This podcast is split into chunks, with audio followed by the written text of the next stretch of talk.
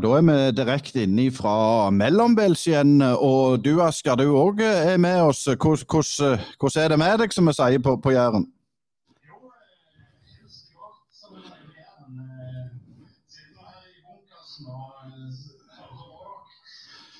Det er bra. Og vi har jo fått eh, to kjekke gjester, Tommy Bergersen og eh, Ole Hjelmhaug, der temaet i dag skal være toppspiller eh, versus topptrener. Og eh, ja, vi var jo greie med dere, for, for uh, har dere vært toppspillere, Tommy?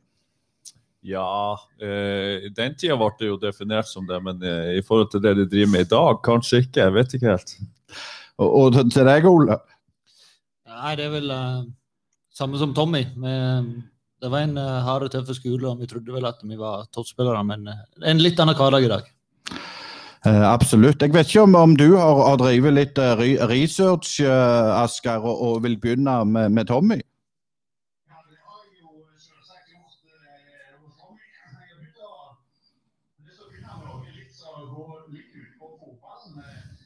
Du vokste opp i Mo i Rana i skyggen av Jernverket, som var en, en, en hjørnesteinsbedrift. og som utover 80-tallet møtte litt problemer. Kan du fortelle litt om oppveksten og det samfunnet du vokste opp i? oppi Ja, det var, jeg hadde en veldig fin oppvekst. Det var um, Som du ser, Jernverket var, var jo uh, grunnmuren for uh, egentlig at Mo i Rana eksisterer. Uh, og det var jo um, flott, nydelig forurensning hele veien. Det var, eh, jeg husker jeg har et barndomsminne der eh, mora mi sprang ut for å hente klærne hun hadde hengt til tørk, for det begynte å regne. Og da var alle klærne som hang ute, røde. Uh, så det har, det, det har vel prega byen i, i, ettertid, men vi hadde en trygg, god oppvekst. Det var et godt idrettsmiljø med både ski og hopp og, og fotball osv. Så, videre. så um, når vi ikke visste bedre da, så hadde vi det veldig fint. Men sånn så i noen gamle aviser at eh, sånn 13-årsalderen så ble du tatt ut på kretslag og greier. Så du var jo et, et talent tidlig. Eh, beskriv litt fotballkarrieren der oppe i første. Ja, nei, det var I de tider så var det jo mye lek og moro. Jeg drev òg med kombinert fram til jeg var vel en 11-12. Uh, så det var, man var hele tida i aktivitet. Og, men jeg, ja, jeg var flink til å spille fotball. og ble tatt ut på, på landsdelslaget som skulle ned til Porsgrunn eh, for 15-åringer da jeg var 13. Så det, det ga jo selvfølgelig mersmak. Jeg husker jeg var med Runar Berg, som var to år eldre enn meg, og begynte å hospitere inn på A-laget og så at uh, det her kunne man kanskje klare sjøl, og det var jo veldig motiverende. Så, så, da begynte man vel tidlig å tenke i tankene at fotball har jeg lyst til å drive med. Stålkameratene, som, som, den gang eh, var et eh, ganske greit lag i Norge. Var på nivå to. Eh, litt om det laget der? Ja, det var en, eh, en god generasjon eh, som var eh, akkurat i den tida. Og jeg var så heldig at jeg ja, Jeg hadde jo et klubbute på Mo, og det er jo sånn folk som er fra små plasser, vet jo at det å gå ifra en klubb til en annen er jo ikke alltid populært. Men uh, den klubben jeg spilte i, var i tredje, og der hadde jeg vært i to sesonger og så at uh, enten må jeg flytte, eller så må jeg ta steget opp til, til Stål. Og det satt langt inne, for det var Jeg fikk mye pepper da jeg gikk til Stål, altså. Jeg gjorde det. Men uh, det var en, en, en, god avdeling, og det var mye gode kamper. Vi, hadde, vi var i samme avdeling som Bodø-Glimt, som tok oss på målstreken det året. og det var da de begynte ferden sin mot, mot Tippeligaen. Så den erfaringa var veldig kjekk, og det var det året jeg var og prøvespilte for Bryne, faktisk, i uh, sommeren 91. Og uh, så kom jeg jo hit i 92. Ja, og eh, du kom til Bryne i 92, det kommer litt tilbake til, men Ole, hvis du kan ta oss med litt lignende gjennom livet i Sogndal? Ja, det kan jeg gjøre. Eh, det kan jeg gjøre. Det var jo å vokse opp i ei, ei bitte lita bygd der med med gode, gamle Fossegane stadion som, uh, som, en uh, drøm for uh, meg. jeg, jeg drev med alpint og fotball. Jeg var ganske god alpinkjører òg, faktisk. Og jeg drev med det fram til jeg var 16 år. Da eh, måtte jeg eh, ta et valg. Eh, foreldrene mine de stilte opp, eh, og eh, vi var stort sett vekke på, eh, på renn eh, annenhver helg og bodde på hotell eh, sånn som en, sånn som en gjorde. Og eh, far min eh, preppa ski, og, eh, men på et eller annet tidspunkt så eh, måtte jeg ta et valg. Og jeg husker voldsomt godt da valget. Det var, det var, gikk jeg på videregående skolen.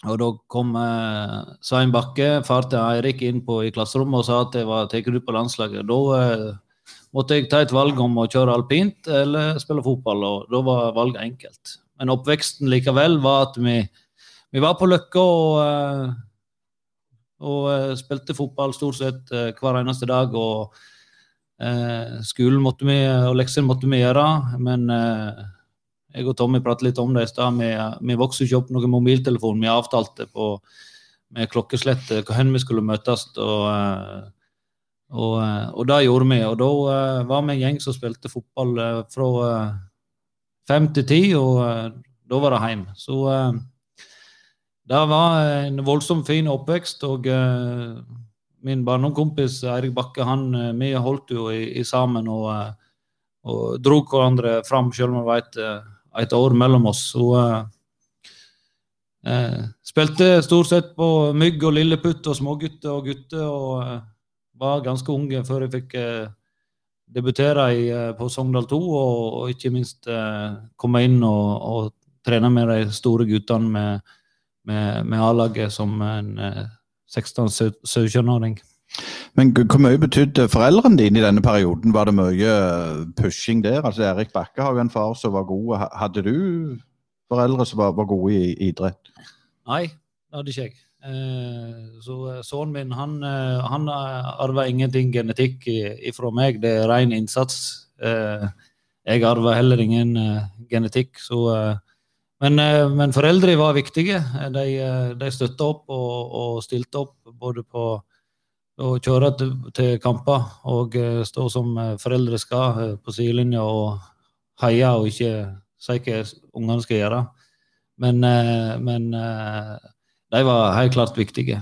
Men eh, det, jeg ble eh, Jeg vil ikke si toppspiller, men jeg ble fotballspiller pga. Uh, ren og skjær holdning og innstilling. Ja, men Det er jo litt, litt, for lett å si det. for det er klart Jeg vil jo si at jeg òg hadde holdninger og innstilling, men jeg ble ikke fotballspiller for det. så, så. men, men, men, hva var det? Var, var, det det at dere drev hverandre, du og Eirik Bakke, tror du? Var det viktig? Ja, Vi var jo en hel gjeng. og vi, det, Sogndal er ikke så stort, men, eh, men eh, det var ganske greit hvem som eh, spilte på Sogndal 1 og Sogndal 2. Det, det var ganske greit. Og så var det sånn at vi hadde vi bra trenere opp igjennom som òg er viktig. Og jeg òg, som Tommy, vi kom jo inn på kretslaget. Og reiste rundt. Eh, det var jo mye samlinger oppe i Stryn. Eh, gode samlinger, kjekke samlinger. Og eh, gjennom kretslagssamlinger og kretskamper mot, mot, andre, så ble du oppdaga. Og da ble jeg oppdaga i 1992. Da havnet jeg i Porsgrunn. Og da kom du etter hvert inn på landslaget, og da husker jeg voldsomt godt at U21-landslagstrener i dag, Leif Gunnar Smerud, han var der, og han var noe for seg sjøl. Han var Ja, han kan Han var, han var litt spesiell, eh, men han var utrolig god. Eh, han hadde utrolig gode holdninger, og vi så at han eh, kom til å, nå voldsomt langt. Og, og det var jo viktig for oss som kom fra ei bitte lita bygd oppe i, Sogn, å se at hva som skjer andre plasser. og så da var det hjemme og trene, og så var det en mål om å, om å, komme med videre. og Det var en stor opplevelse for meg som fotballspiller å komme inn på, eh, på, på min første landslagssamling. Har jo plassert deg nesten på Bryne nå, men hvordan var det Bryne kom i kontakt med deg i, i 91? Nei, det var, da var det vel litt sånn igjen at jeg, jeg så det at jeg tok andredivisjonsnivået godt. Eh, og så hadde jeg en kompis av meg som spilte i Bryne, Jan Harald Forsmo. Eh, så jeg ringte han og spurte han om han kunne ordne ei treningsuke for meg. Eh, og da eh, ringte Jeg tror det var Reidar Romdal, for han kjente noen på Mo i Rana. Så han ringte og sjekka litt referanser på meg, og så takka de ja. Og så fikk jeg lov å komme ned og trene med de i uka. Og så sa de at de ville ha meg på plass. Uh, men så fikk jeg òg tilbud fra Bodø-Glimt, som allerede hadde rykka opp. og da trodde jo morsan og farsan selvfølgelig at uh, nå drar sønnen vår til Bodø, og det er fint. Det er nært, da kan vi besøke han i helgen. og så den veien. Men uh, det var en mottagelse her nede når jeg, når jeg kom ned på både når jeg trena med dem, både fra Kjell Tenfjord, som var trener, og Reidar Romdal og Asbjørn. og så det var et eller annet som sa meg at Bryne er, er, rett for meg å, å, å dra til. Så vi ble enige at jeg skulle komme ned etter gymnaset, da, men uh, så ringte de um, i romjula og, og, lurte på om uh, For de hadde snakka med skolen her nede og sagt at uh, de kunne ordne plass til meg fra 3. januar, om jeg kunne komme ned. Og da heiv jeg meg rundt, og så begynte jeg å pakke, informerte foreldrene mine, og så var det bare å Så kjørte jeg ned, da. Og da begynte jeg her i Brune i 92. Det var jeg var så klar på det at det var rett steg og rett plass for meg å være. at det, det var, Jeg tenkte meg om i fem minutter, og så var det bare å overtale mora og faren min, som alltid har vært støttende, til at det her har jeg lyst til å gjøre. Og de sa OK, greit, og så kjørte vi.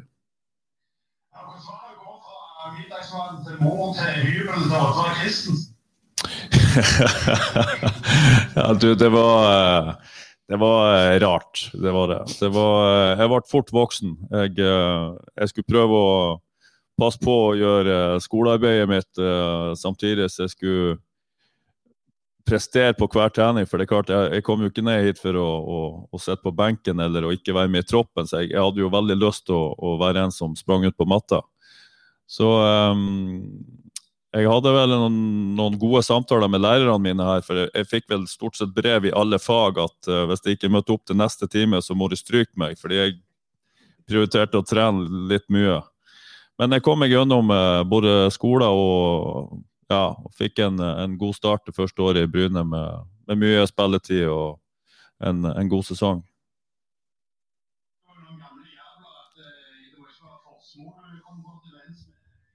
Ja.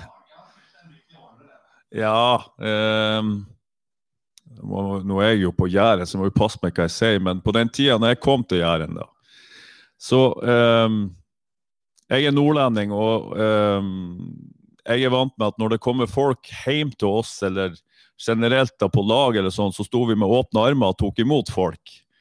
Men jeg kom inn i garderoben til Bryne, så var det ikke sånn. Det var jeg skjønner det litt på en måte òg, fordi de, de, bodde og, er født og oppvokst her og hadde sitt og sine, på en måte. Men det tok veldig lang tid for meg å, å bli kjent på de som var fra Bryne.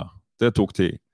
Men de som var henta utenfra, bl.a. sånn som Knut Aga, da, vi, for han havna jo i samme skjebne som meg, han begynte OK, Bryne, det er gone, er det noen andre? Ja, der har vi en nordlending. Ja, jeg får prøve han, da. Så, så, så begynte vi å søke litt kontakter, og så fant vi tonen, og så så gikk det seg til etter hvert. Og etter et halvt års tid så, eh, så var vi inne i Gjærgjengen òg, og da var det bare fryd og gammen.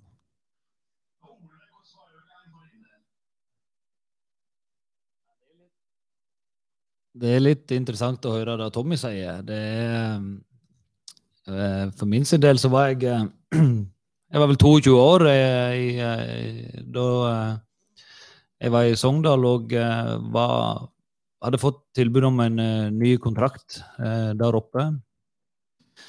Uh, samtidig som at jeg spilte venstreback, så spilte en som heter Arild Andersen, som er fra Bergen, og, og fikk da tilbud om å gå til FK Haugesund på samme tid. da så jeg med snitt at nå kan jeg bli førstevalg der oppe. Og gikk i forhandlinger og ønsket å ha en enda bedre kontrakt, eh, så klart. Jeg, eh, jeg var jo for egen eh, klubb, og da fikk du betalt deretter. Men skulle jeg bli førstevalg, så hadde jeg håp om at jeg skulle få en tusen eller, tusenlapp to ekstra i, i måneden. Det, var ikke snakk om. samtidig så hadde jeg spilt på lag med noen fantastiske folk der oppe. Det, eh, Bent eh, Apneseth, eh, som eh, de fleste kjenner til, han, eh, han var jo på vei hjem til Jæren og, og Bryne, eh, samtidig som at eh, Rune Medalen òg hadde gjort sitt oppe i, i Sogndal og ønsket seg eh, hjemover. Og eh, ikke minst eh, Eivind Karlsbakk, som eh, Bryne òg eh, ville ha fra Sogndal. Det var jo tre voldsomt bra spillere. Og så eh, hadde vi voldsomt mye sosial omgang med, med, Bent og Elin i Sogndal, jeg og kona mi. og så sier Bent plutselig til meg 'Skal ikke bli med til Bryne, da?' Eh, jeg var 22 år, og, og, liksom skal vi flytte fra Sogndal, og der, det er ingen som kan flytte derifra, tenkte vi. Men eh, så diskuterte vi det hjemme, og så tenkte vi ja, hvorfor ikke da? Eh, så gikk ikke det mange dagene før, eh, før Kjell Madland eh, var på tråden. Eh, på den tid så var det begynt uh, dette agentkjøret, da. det hadde ikke jeg så mye peiling på, men, men Eivind han hadde agent. Så klart han hadde det. Er du fra Stryn, så har du agent. Og da var jo gode, gamle Knut Kristiansen, som, som var fra Bergen, og var vel direktør i Brann òg, han ville vel si. Han eh, kom plutselig på, på, på, besøk til Sogndal og, og hadde, hadde, møte med, med, meg og Eivind hjemme i, i huset mitt der. og hadde gode samtaler, og da jeg vet ikke om han fikk betalt, det gjorde han helt sikkert for å få meg med på lasset òg, men jeg vet ikke hvor mye jeg var verdt. Men han, jeg signerte jo i hvert fall på et, noe papir der, og så eh, var, Da var jeg Sogndal, fortsatt Sogndal-spiller, og på den tiden, eller den helga da Sogndal spilte mot Rosenborg, da hadde jeg tre gule kort, og da så Bryne sin snittet og, og lura meg en tur ned til Jæren og se litt på forholdet.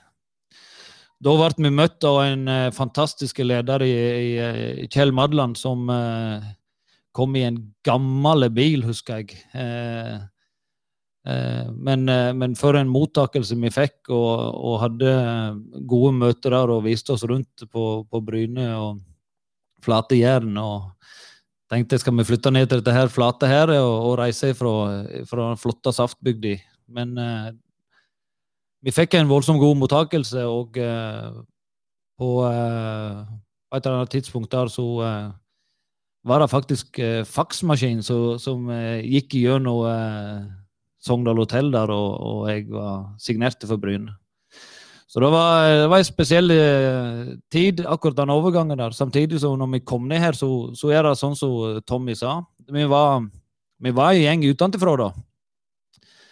Og eh, Eh, da var det ikke så lett å komme inn på eh, de eh, som var i den brune garderoben. Om vi var noen trusler, det vet ikke jeg, men, men samtalen mellom med, med Kenneth Rosén, der, som, som, da var trener, de var, de var klokkeklare. Vi, vi, skal rykke opp, og derfor må vi hente noen utenfra. Og, og de skal være med på det laget der. Så men det gikk seg voldsomt fort. Eh, vi, eh, vi glei inn i miljøet, og eh, vi hadde en stor sesong i, i 99 som alle husker så godt. Ja, det, Vi er jo på Mellombell som har, har, har liveshow, og, og, nå sitter jo han du snakker om, Karlsberg himself er her, og han kan ikke forsvare seg, men det er jo òg eh, faren til, til, til, Daniel Karlsberg som skapte straffe nå mot, mot Vard. og Det er jo interessant det, det du sier der, men, eh, men hva tror du eh, hva er mest interessant, Asker? For du må, du må på banen, du òg.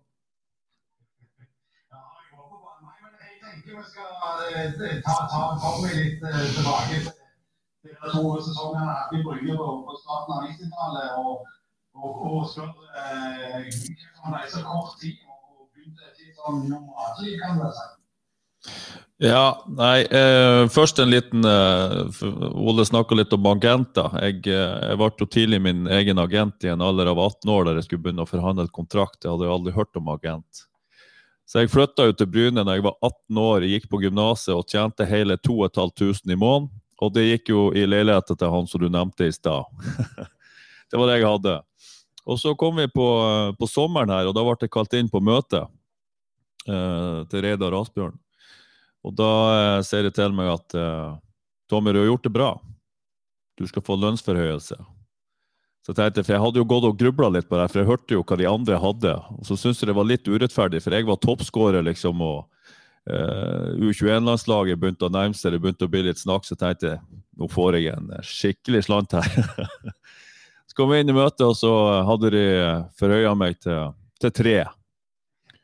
Og, da, og jeg har aldri likt de her situasjonene, så da sa jeg til Reidar Asbjørn, mens jeg selvfølgelig kikka ned i gulvet, at uh, ja, men jeg er jo toppskårer. Vet du hva, du har helt rett. Vi dobler opp, du får fire. så uh, da var jeg sjeleglad. Da hadde jeg jo litt mer å, å rutte for. Men uh, ja, så sånn begynte det. Men uh, spørsmålet ditt, hva var det igjen?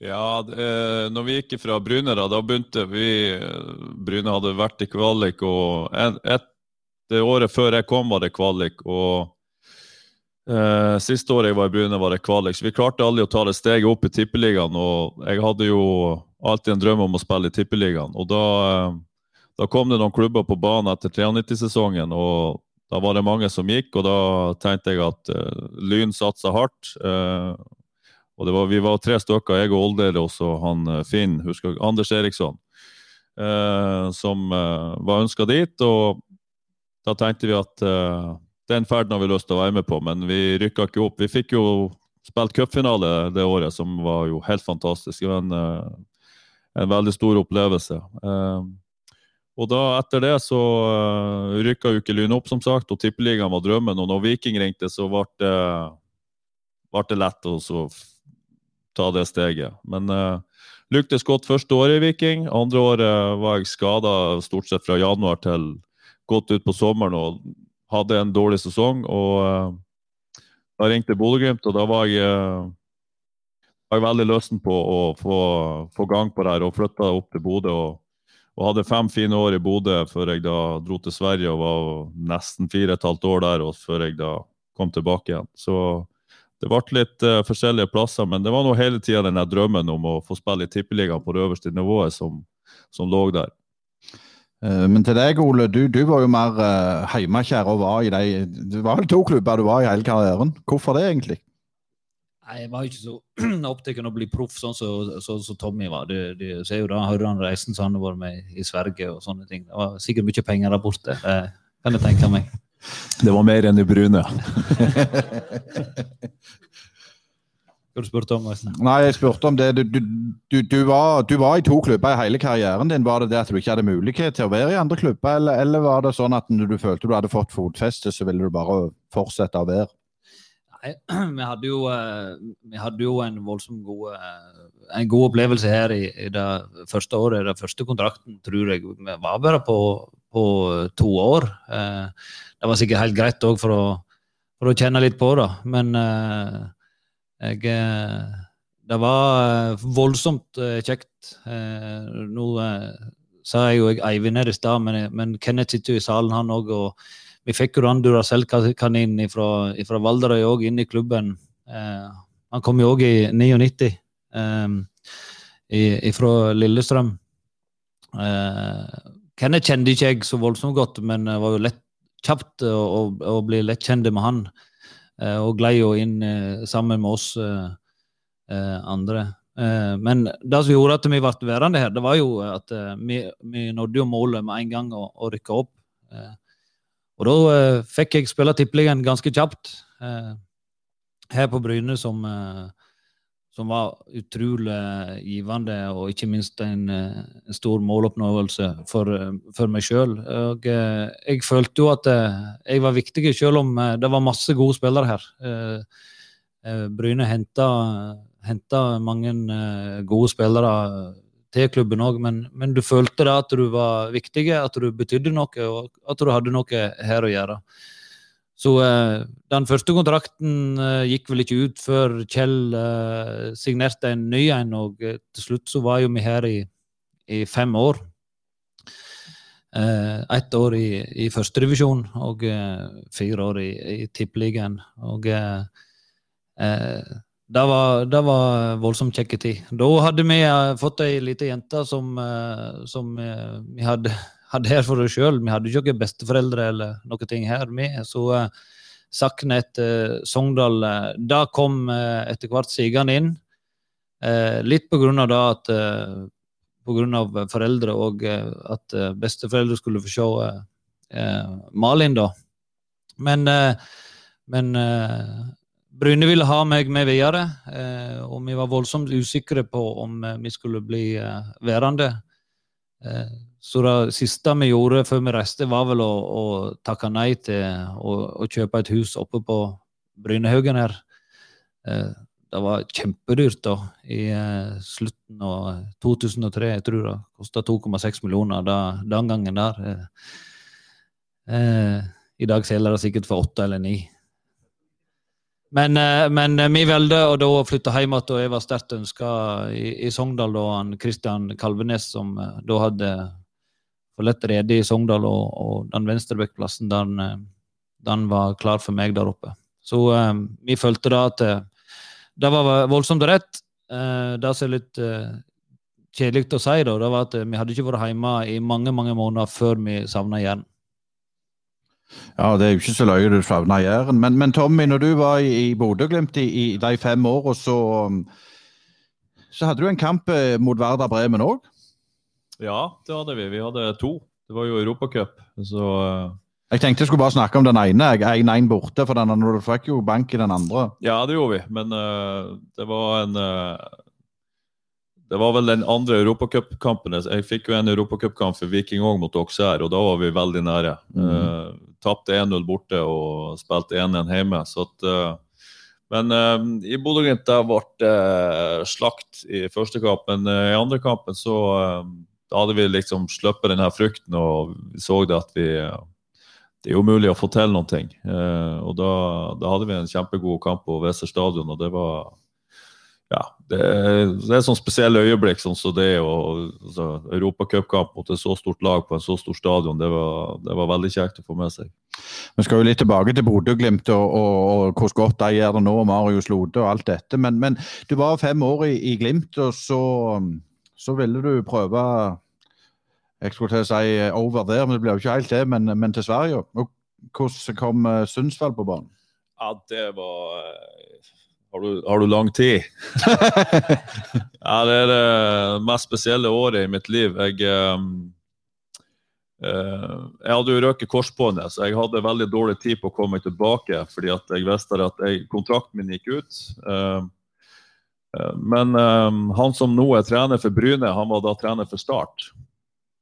Så uh, han ville ha meg, for han uh, var sikker på at jeg kom tilbake etter den korsbåndskaden, og uh, signaliserte tidlig at eh, han ville ha meg ned. Så jeg tenkte at eh, Sørlandet, Start, kjempefint. Ned, kjøpte hus, begynte å pusse opp huset. Gikk en måned, så fikk jeg beskjed at eh, det kom en sindig sørlending og sa vi er konkurs. Ja vel? Ja, så at, eh, da var det fritt leide. Du må, eh, må gjerne finne en annen klubb, for vi har ikke råd til å betale eh, noen. Så da havna jeg litt sånn OK, hva gjør jeg nå? Men så er jo Fotball-Norge Det kan jo virke stort av seg, men det er jo litt lite, da. Så det gikk jo bare to dager, så ringte Per Joar Hansen. Han hadde da takka ja til jobben i Sundsvall.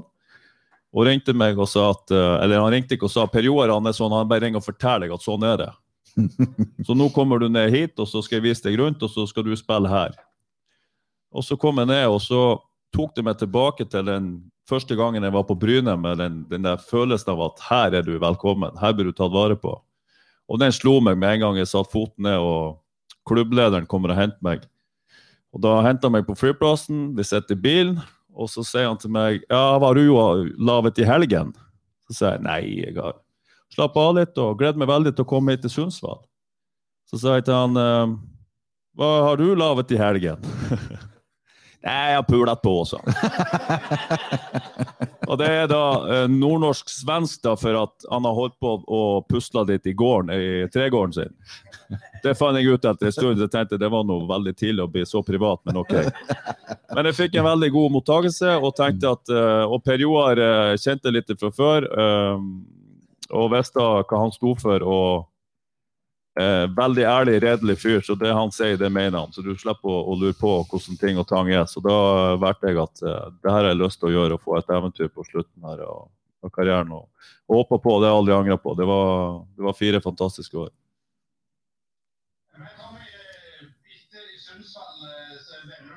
Rogaland. Var det noen spesiell grunn til at du valgte Rogaland liksom, for å bosette deg? Nei, det var vel at Bryne var det eneste som var dum nok til å hente et vrakgods tilbake igjen, på en måte. Nei, jeg, eh, det er litt sånn som Ole sier, vi hadde den tilknytninga. Vi hadde bygd opp en, eh, ja, en venneflokk, og de hadde unger på samme alder. og Litt sånne type ting som vi tok i vurdering. og Så jeg har alltid følt meg hjemme her, på en måte. Så det, det var veldig enkelt å takke ja til det, men det ble jo en ja, det ble jo egentlig ingenting. Jeg var jo skada nesten siden fra jeg kom til jeg la opp og begynte å trene juniorlaget til Bryne. Bare skyte inn der jeg litt, Asker. For eh, deg, Ole. Du, eh, har du hatt noen sånne tøffe, tøffe skader, eller, eller har du passet på deg sjøl bedre enn Tommy? Ja, jeg har nok passet på meg sjøl bedre enn Tommy. Det kan jo kommentere her. Han har stått på alpint. Sant? Det sa han jo tidligere. Det ser du på ræva hans. Han er sterke. Det er to stykker som har store lårmuskler. Det er meg og Jan Åge Fjørtoft. Eh, men eh, jeg hadde ja, litt grann strekka her og der. Da sier vel sitt at jeg var utrolig rask. Eh, eller så har jeg slitt med en ankel. Han sliter med den dagen i dag, da var en takling av han godeste Jonny Hansen, som da spilte kanskje for Lyn. Jeg, jeg glemmer ikke den den taklingen der. Men eh, ellers har jeg stort sett vært skadefri. Men skal vi prøve å pense oss litt inn på, på, på, på, det som skjer når dere har blitt trenere? For dere har begge hatt Jan Halvor Halvorsen som trenere. og Dere sa det, må vi svare på det, men det må dere. For, for det er klart, det, nå, nå, gjør han det godt i Bryne. Det er ingen som kan ta ifra han det. Men, men han er nok eh, Er han knallhard, Tommy? Nei, jeg opplevde han som knallhard. Men jeg hadde han jo ikke så lenge. da. Jeg hadde han i seks måneder. Så um, han kom til Sundsvall i januar og tror han var ferdig i, i, juni, så det er jo kort tid, da. og ja. Men Vil du fortelle noe? Han fikk vel sparken? Han, han har ja, jo sagt det på podden òg, at, at, det var mismatch der. Så, så det, men hvordan var det dere oppfattet det i, i spillergruppa? Nei, det er sånn, det er jo litt kulturforskjell mellom Norge og Sverige. Det ser du, altså Rikard Norling som kom til Brann, han skulle jo ta seriegull med Brann. og Rikard Norling hadde jeg sjøl i Sundsvall et år.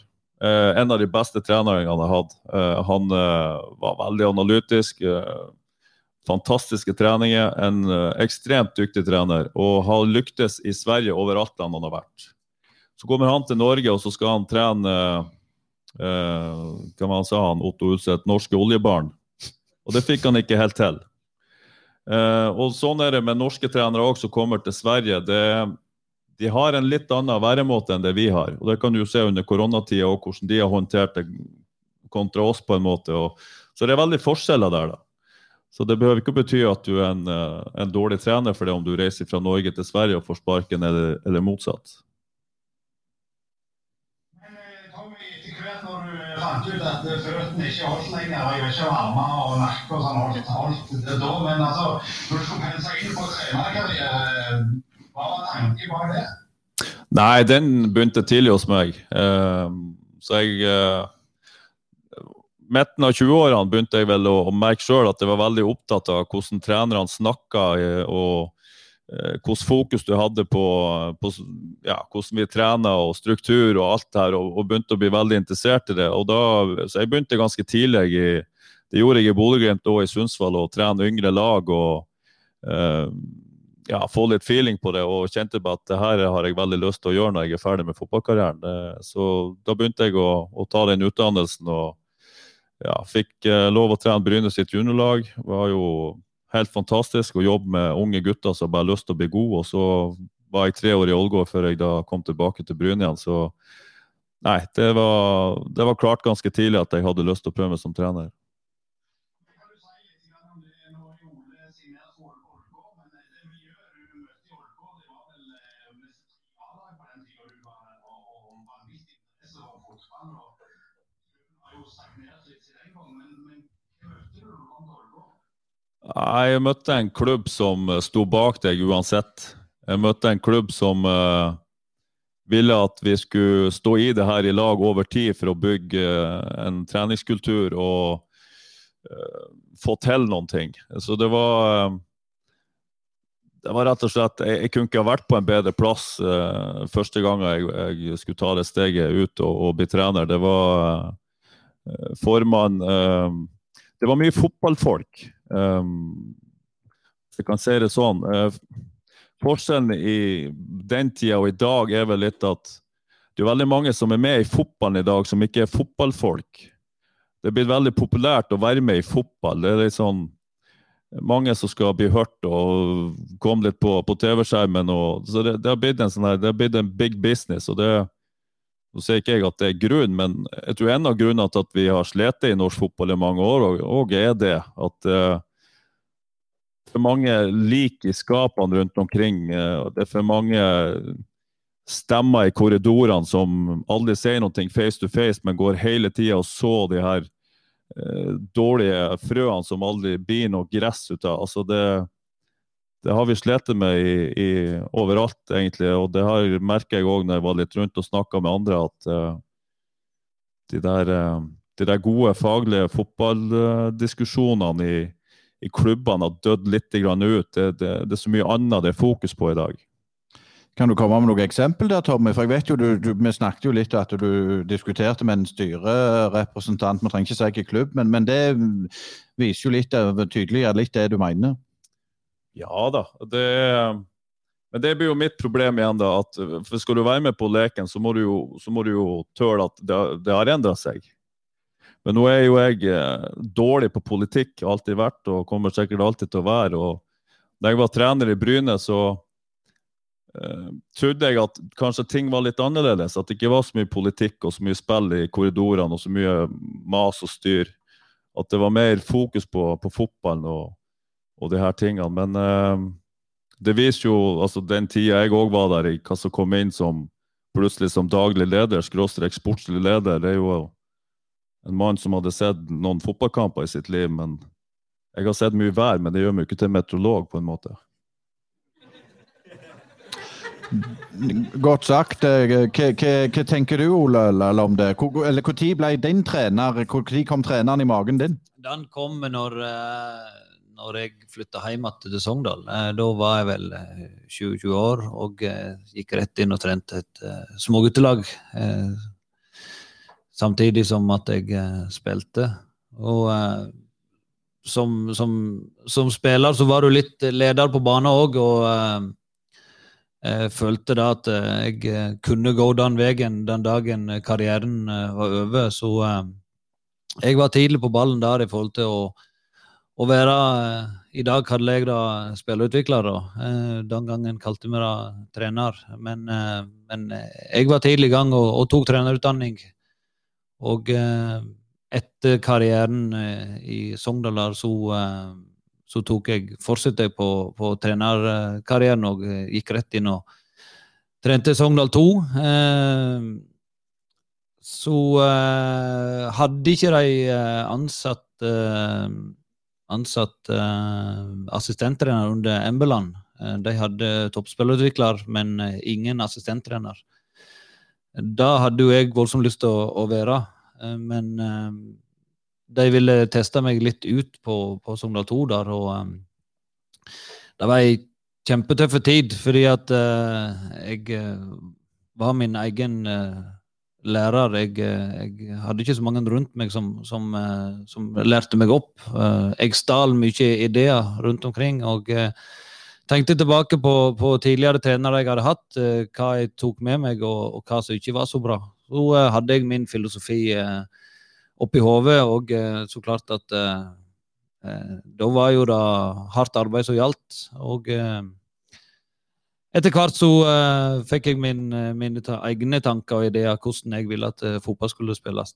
så, uh, så fikk jo jeg den uh, assistenterjobben òg, da, under Embeland. Og de som kjenner han Han var jo en klassisk 4-3-3 og har jo styrt Vard Haugesund i, i, mange, mange år der oppe i Haugesund lærte voldsomt mye av, av, han, og så var det noe jeg ikke lærte, eller noe som han sa og som jeg ikke tok med meg videre. Men, eh, men det, var en, det, var en, god skole. og eh, men det var en, eh, da var det voldsomt tøft for meg å være trener for to lag. Det var, ble litt for mye. Så i en liten periode der så, så visste ikke om jeg gadd å fortsette å være trener. For det, det, det, det, tok all, all min tid. Vi hadde to unger, og, og eh, en heim hjemme.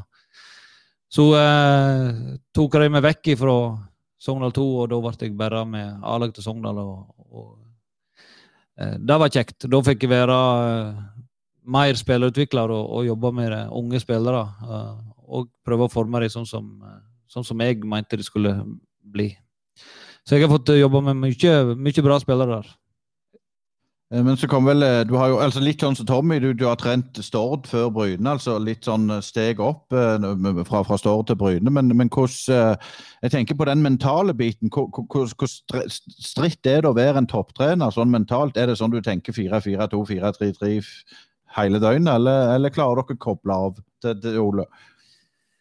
Nei, du, du, du, blir jo en livsstil. Det, det er jo sant at du, du må ha med deg de som er på hjemmebane òg, eh, når du er fotballtrener.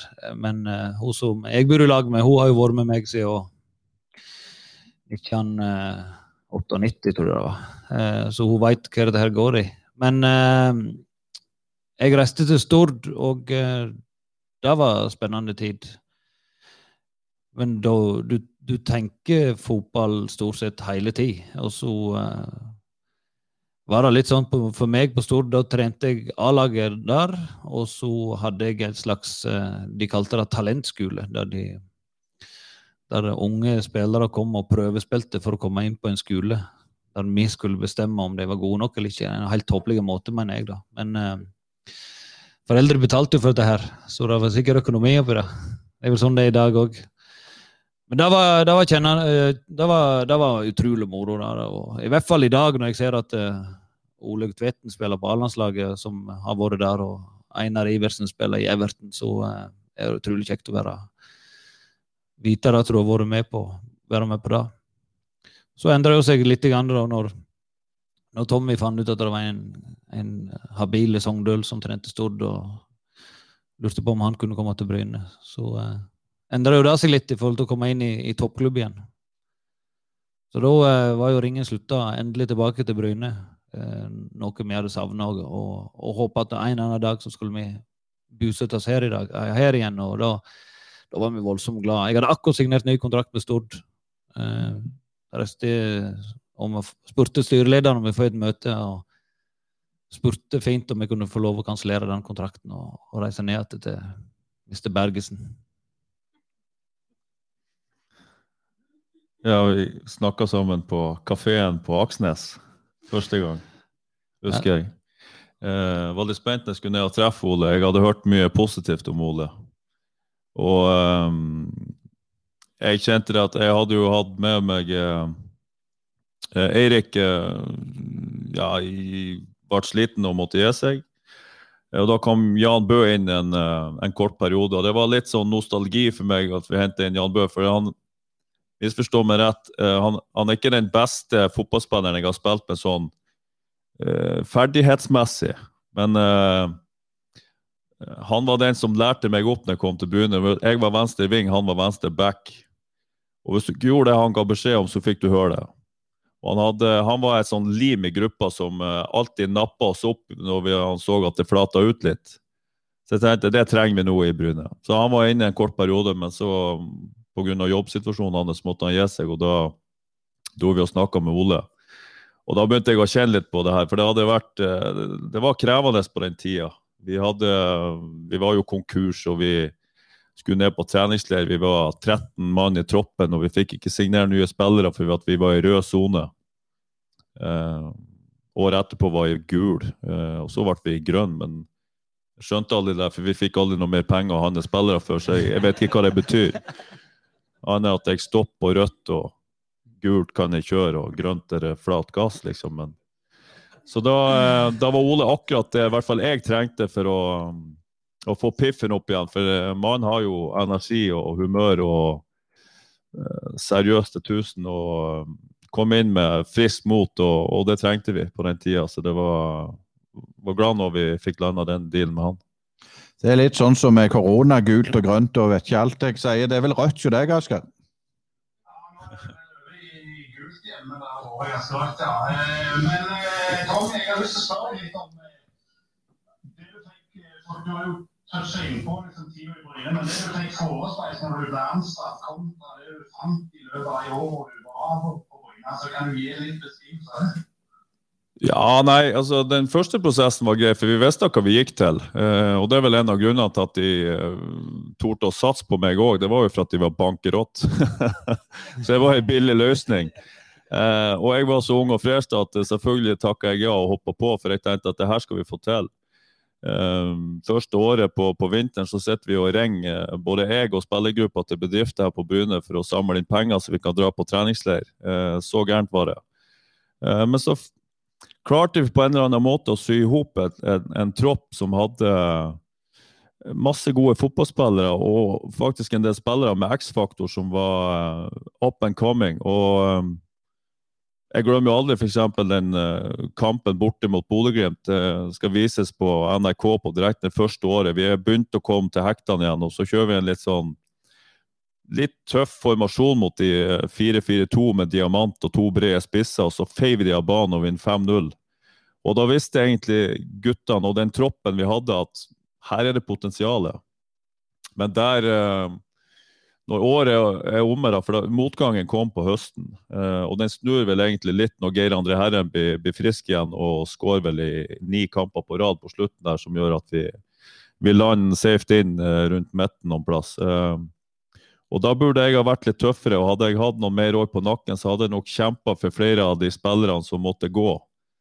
For jeg hadde på følelsen av at de vi slipper nå eh, Vi får ikke henta noe bedre inn, for vi har ikke penger. Så burde, jeg burde ha stått i det og kjempa mer for noen av de spillerne som gikk ut. Og det har jeg angra på helt siden jeg, eh, jeg skulle til å si ga meg. Fikk foten i ræva. Eh, så jeg burde ha stått i det og eh, kjempa for noen av de, for da tror jeg at år to hadde blitt litt bedre.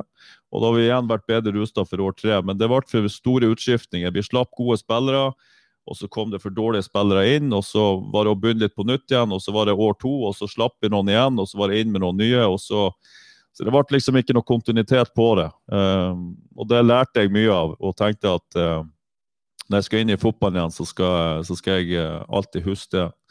Men da begynte jeg å trene uh, ungdommer og fikk meg en vanlig jobb. Fikk fri i helgen og tenkte at fotball, nei. nå er det bra. Nå skal jeg trene unge gutter og sørge for at vi får se noen springe ut på Ja, nå er det SR Bank Arena, men det er veldig givende og trives veldig godt med det.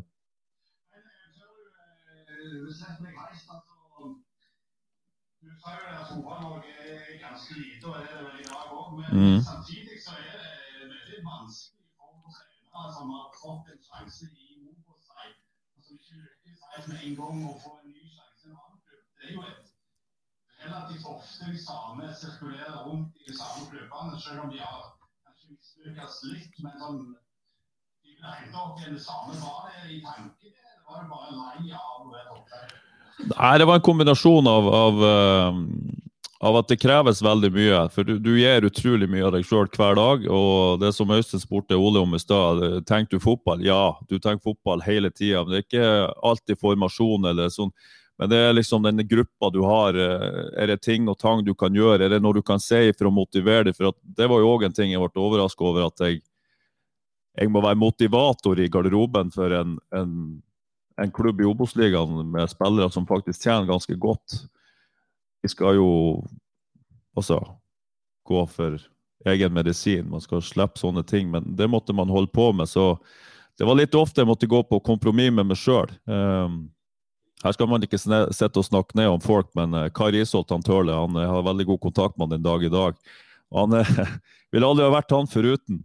Men han måtte jeg jobbe med med at du spiser mye, Kai. Jeg vet det, jeg vet det. Det er den chipsen. Jeg vet det. Så så Når man, man er på det nivået, sant? veldig kjekt og artig i ettertid, men der og da så var det en sånn kamp hele tida med sånne tulleting som jeg var vi hadde jo ikke det problemet. Jeg hadde jo vært spiller sjøl. Jeg visste jo at eh, jeg spiser jo ikke 250 gram chips eh, dagen før jeg skal spille kamp osv. Så, og så, videre. så med de tingene måtte jeg holde på å jobbe med. Og da ble det til slutt det her OK, skal jeg, eh, skal jeg fortsette med det her? Eh, jeg gir et halvt år pause, og så ser jeg. Men så begynte jeg da å trene uh, ungdom, kretslag, uh, gode unge fotballspillere som bare svørte alt du sa, og bare sto og spøla og var klar til å utvikle seg. Og det har jeg holdt, på, jeg holdt på med siden da.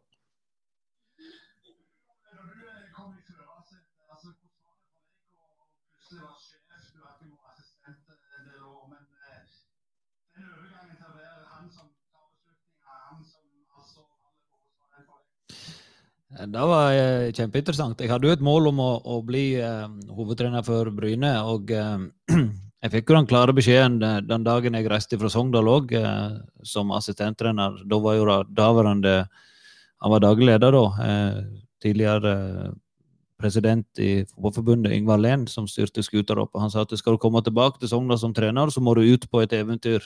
Eh, så da eh, Jeg, eh, hadde jo et mål en annen gang om å, å trene Sogndal, men, men når jeg da kom til Bryne, så, så var jo målet å en annen gang eh, trene da, eh, laget der. Og eh, det var litt spesielt. Jeg, eh, jeg kom inn med Tommy. Jeg, eh, han fikk eh, foten i, i ræva der. Og jeg var jo med på det. Vi var jo lag om det, men det var ikke snakk om å, å ta to. Jeg, jeg overlevde. Eh, og så kom Gaute inn, og så eh, måtte han gå. Og så kom Alf Inge Bernsten inn. Og så, etter noen måneder, så trakk han seg, og, og da eh, da var det min tur. Jeg husker det voldsomt godt. Jeg satt faktisk hjemme hos Eivind den kvelden der, og jeg tror det var EM. Da ringte styreformannen og, og tilbød meg jobben. Lørdag var det trening, og søndag var det bortekamp mot Kristiansund. Men jeg, var, jeg oppførte meg alltid som en, eh, en hovedtrener når jeg var på feltet, selv om jeg ikke hadde avgjørende ordet. Jeg ville være en god kollega og gi alt av meg sjøl. Så den biten her var jeg ikke redd for i det hele tatt. Jeg var opptatt av at jeg skulle få med meg Even. Even skulle ikke være min assistent, han skulle være min medtrener. han skulle òg være med og, og forberede treninga og lede treninga. Så jeg sa at selv om jeg har det avgjørende ordet, så er vi en del av dette her alle. Fordi at jeg trenger flere kloke hoder. og der, der var starten på den reisen der. Jeg, vi lå vel sikkert helt i bunnen av, av divisjonen der, så det var om å gjøre å overleve. og vi klatra sakte, men sikkert. Det var en voldsomt spesiell første kamp borte mot Kristiansund. der Vi taper vel, og, og Vega Landro brenner jo et straffe helt på slutten. og Hadde vi fått med oss et poeng der, så uh, hadde det vært en voldsomt god start. Men på flyet hjem til, til Oslo så, uh, så, tenkte jeg med meg sjøl at det jeg så i dag, dette kan gå. Så eh, vi landa i Oslo, og jeg reiste rett til Kongsvinger, for da skulle vi besøke min tidligere kamerat, eh, lagkamerat Pål Åpnes. Men eh, det ble ikke så mye ferie, for jeg satt meg framfor PC-en og skrev et brev til hver enkelt spiller og fortalte hvor viktige de var, og hvor mye det betydde, og at eh, jeg hadde tro på at dette prosjektet skulle vi få i havn. Det gjorde akkurat ikke, fordi at eh, i den siste kampen så klarer jo Kongsvinger å, å tape mot Ullkisa, selv om vi slår Fredrikstad hjemme. Så det skilte vel eh, akkurat eh, to poeng, tror jeg. Og da var, da var starten på, på, min trenerkarriere. Eh, Rykka ned med Bryne fra Obos-ligaen, og lykke til med det. sånn eh, forventninger eh, kontra virkelighet eh, i klubben. Altså, som trener, det kan for så vidt Tommy også svare på, men altså Forventningene til en trener, en ny trener er jo at han skal komme inn og endre alt over natta og vinne serie og cup og alt mulig. Men, men altså, hverdagen til en trener er jo mye mer komplisert enn det. Du kan ha litt sånn ut, litt sånn inn, litt sånn heldig. men hvordan opplever dere det med forventninger kontra virkelighet? Er, er, er folk virkelig villige til å se ståa sånn den er, eller har de sånn fantasiforestillinger om en gammel storklubb som, som å. Å ja.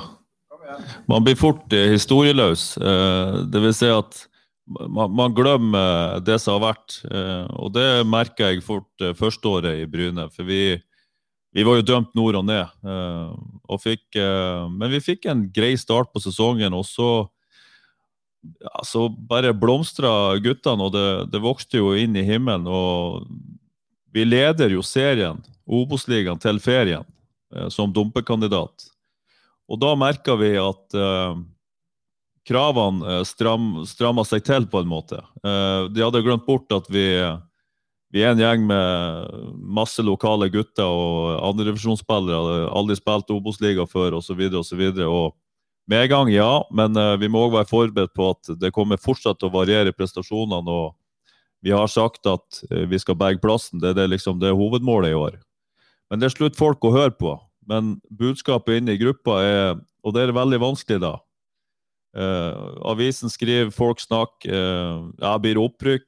Eh, I hvert fall kvalik. Eh, og så prøver du som trener å skal stå imot alle de forventningene og fremdeles holde føttene på jorda. Det var ikke så enkelt alltid, og det merker jeg på, på noen av spillerne som var unge og som gjorde det veldig bra. De var jo de var jo sinnssykt gode.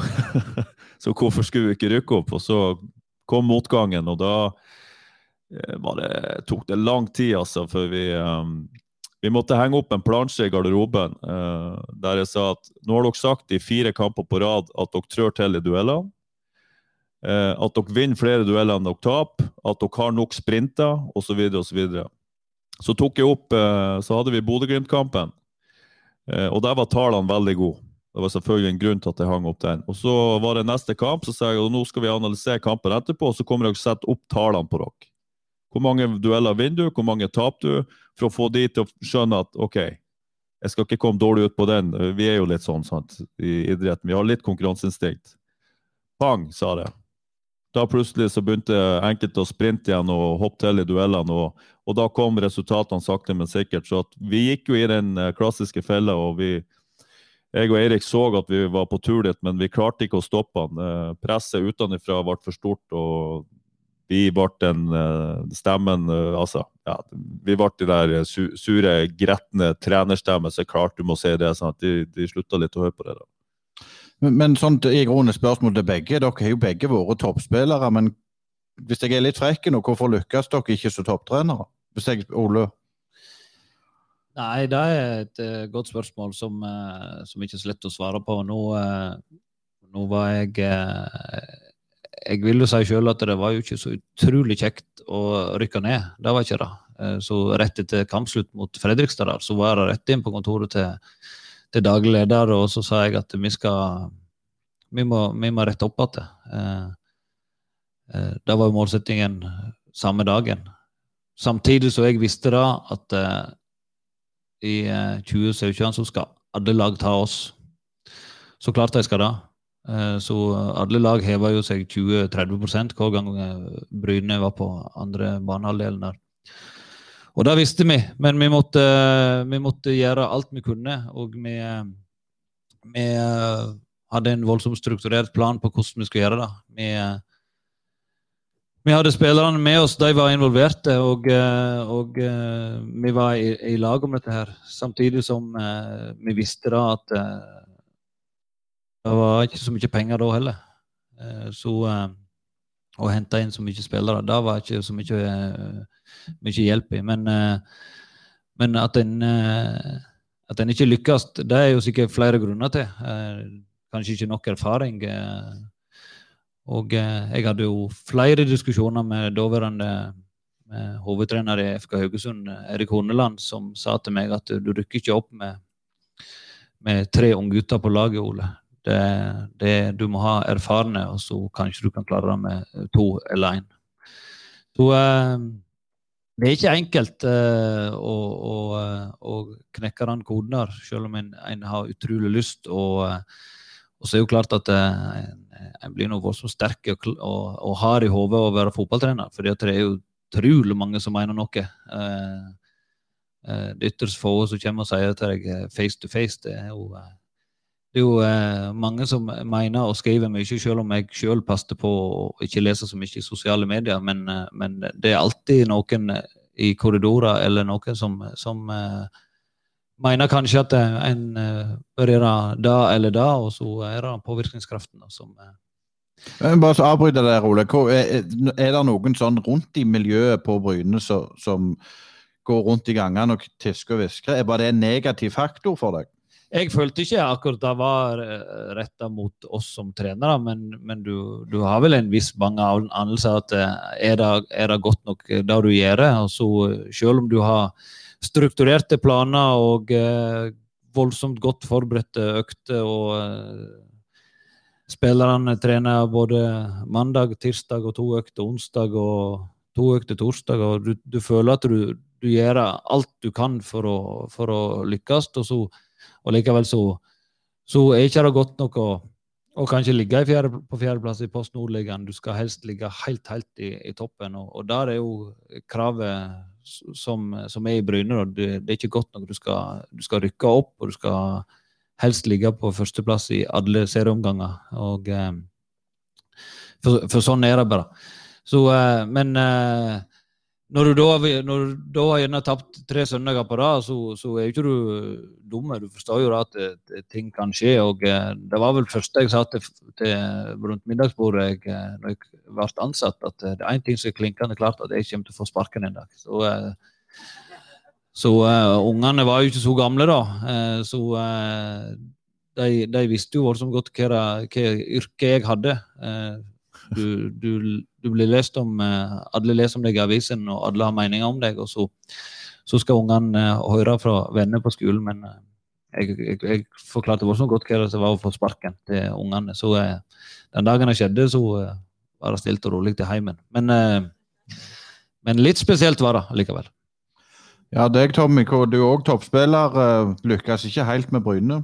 Nei, eh, men jeg, jeg, lærte veldig mye om meg sjøl. Jeg, eh, jeg, var jo ung da jeg starta, og jeg fikk jo en god start på, på trenerkarrieren med Ålgård. Vi ble nummer tre i, i andredivisjon. Og så uh, lærte jeg mye første året i Bryne, og jeg syns første året i Bryne var sånn Yes, vi klarte det. Så vi, vi berga stumpene, og vi, uh, vi klarte plassen. Men så begynte jeg å merke at det å være hovedtrener uh, og det å gå litt sånn på kompromiss med seg sjøl og litt ting og tang rundt det her politiske spillet og sånn, det fikk ikke fram det beste i meg. Eh, det så jeg ikke akkurat der og da, men man eh, har jo tenkt litt i ettertid. og eh, Det fikk vel heller fram litt dårlige sider av meg. Og så merker jeg at når jeg ga meg med, med toppfotballen, da Men jeg er jo fremdeles med i toppfotball, men på et annet nivå. Så det å trene unge spillere som har lyst og det, er jo så gledelig å se altså Henrik Heggem som springer ut på, på SR Bank Arena. Sant? Det er en gutt vi har vært med og trent i mange år, både på kretslag og i Viking. Sant? Det gir så mye.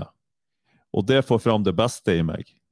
Så at, um, da er det kanskje et eller annet jeg mangler da for å, å, å bli en god hovedtrener. Men uh, jeg kanskje har andre kvaliteter som gjør at jeg kan være med og bidra til at vi får uh, noen unge gutter som tar noen steg. og det, Den kombinasjonen med, med, jobben og få lov å være med og trene, de uh, gir meg mye. Og så ga jeg meg jo tidlig. Jeg holdt på i tre år, og så kom jeg egentlig aldri tilbake. så og tror jeg aldri kommer til å gjøre det heller.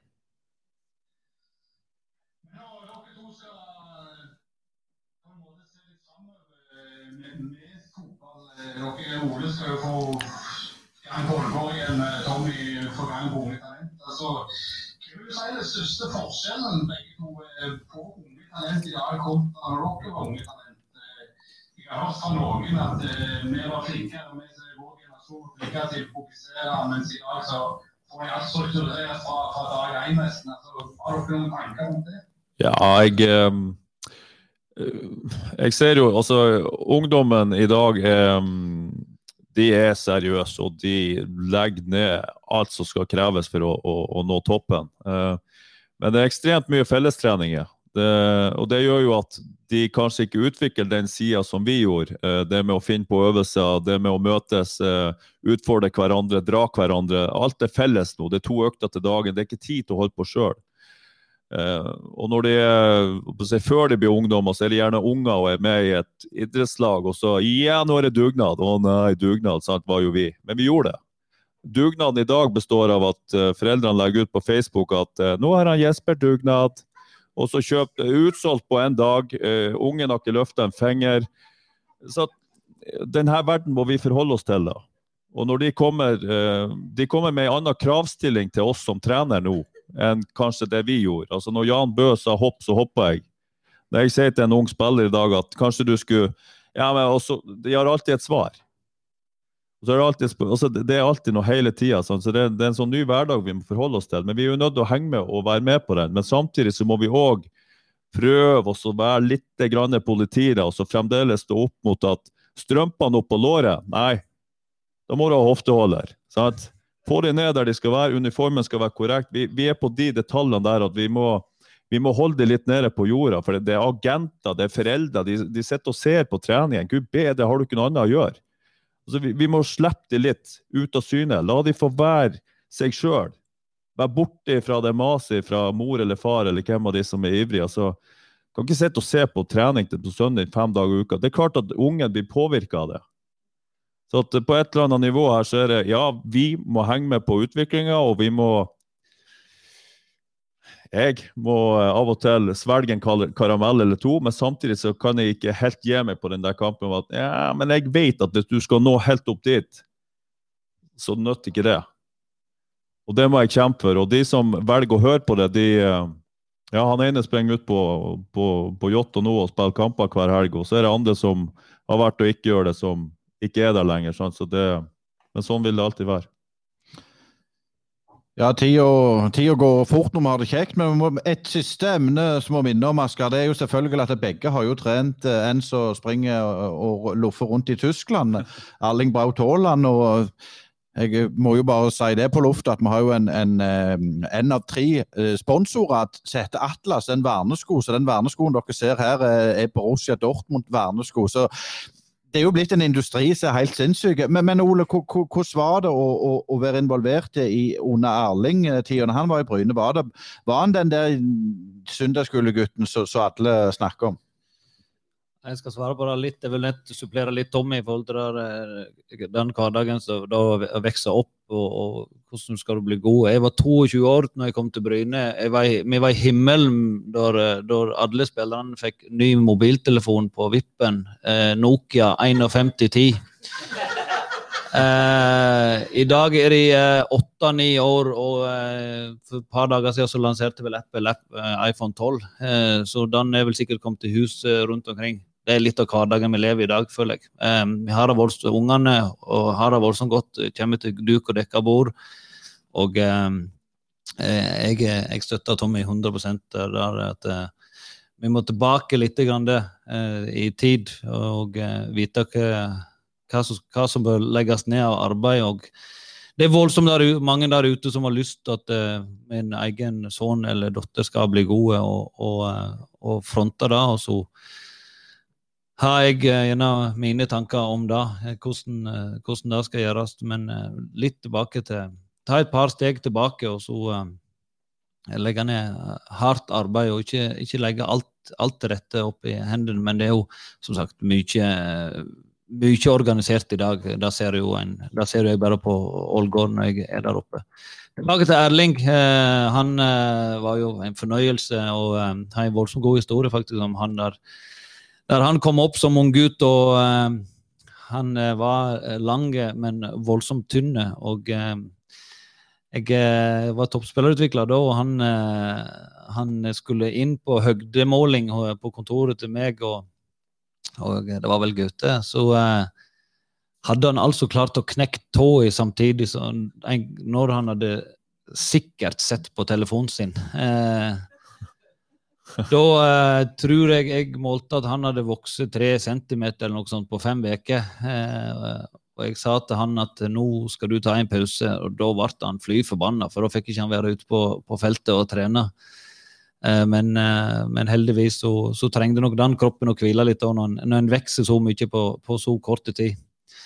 Eh, men han var ikke god å ha med, med å gjøre akkurat da. Men han var jo en fornøyelse. og eh, men da, da, Vi skjønte jo da at, eh, at når Erling var, kom inn på, på landslaget, her, så, så, må jo han videre her i, i, i fotball, fotballverden. og Det skjedde jo en revolusjon oppe i, oppe i Molde der med hun som har matet han, og de som har trent han, og så har jo gjort en, en voldsom stor eh, jobb sjøl. Men, men, Erling i Bryne, det er jo eh, jeg, jeg, vet ikke om vi får det igjen, det er ikke sikkert. For han var helt spesiell. Eh, og så var han voldsomt god tidlig, og så var han eh, litt rebell. Eh, men, eh, men, mest hadde han et, et stort glimt i øyet og eh, elska jo fotball. Eh, men han var voldsomt god med kompisene sine. Ja, var jo, det var litt tidligere da. Han var yngre da i mitt team, men han var jo, han var jo i Gjærhallen hele tida. Så han uh, han sto der og terpa. Og, men det var en variasjon òg med den her, den her, gleden de hadde. Jonathan uh, var jo ofte med han og den der kompisgjengen. Så de, den der kombinasjonen med at de, ja, de trena seriøst, men så hadde de det veldig kjekt òg. Og de, ja, de bodde inne i den hallen, og det er jo klart, da har du jo en drive. Uh, at du har lyst til å oppnå noen ting. Uh, så at uh, Han var jo Han har jo vært best siden, siden, han begynte å spille fotball i hvert kull han har vært i, så det er jo ikke noe overraskende at han blir god å spille fotball, men at det har gått så fort, at han er så god som han er nå. og Man får jo frysninger når man ser de målene han bøtte inn, og den, den her gleden og råskapen han viser. det det kommer innenfra. Det, det er veldig spesielt. Ja, jeg vet ikke jeg, Asker, eh, om vi skal begynne å runde av. Eh, det er to karer som har opplevd ganske mye på fotballbanen vi, har før oss her. Ja, utvilsomt. Det har vært en eh, fryd å snakke med dere, selv om det er på lang distanse. Så jeg håper vi kan få snakke en gang face to face. Og takk for at dere vært med oss på Brynebåten. Veldig hyggelig. Kjempe. Ja, da får vi ta en, en oppsummering som alltid pleier Asker. Hva, hva syns du var, var, mest spennende av det de, de, de sa?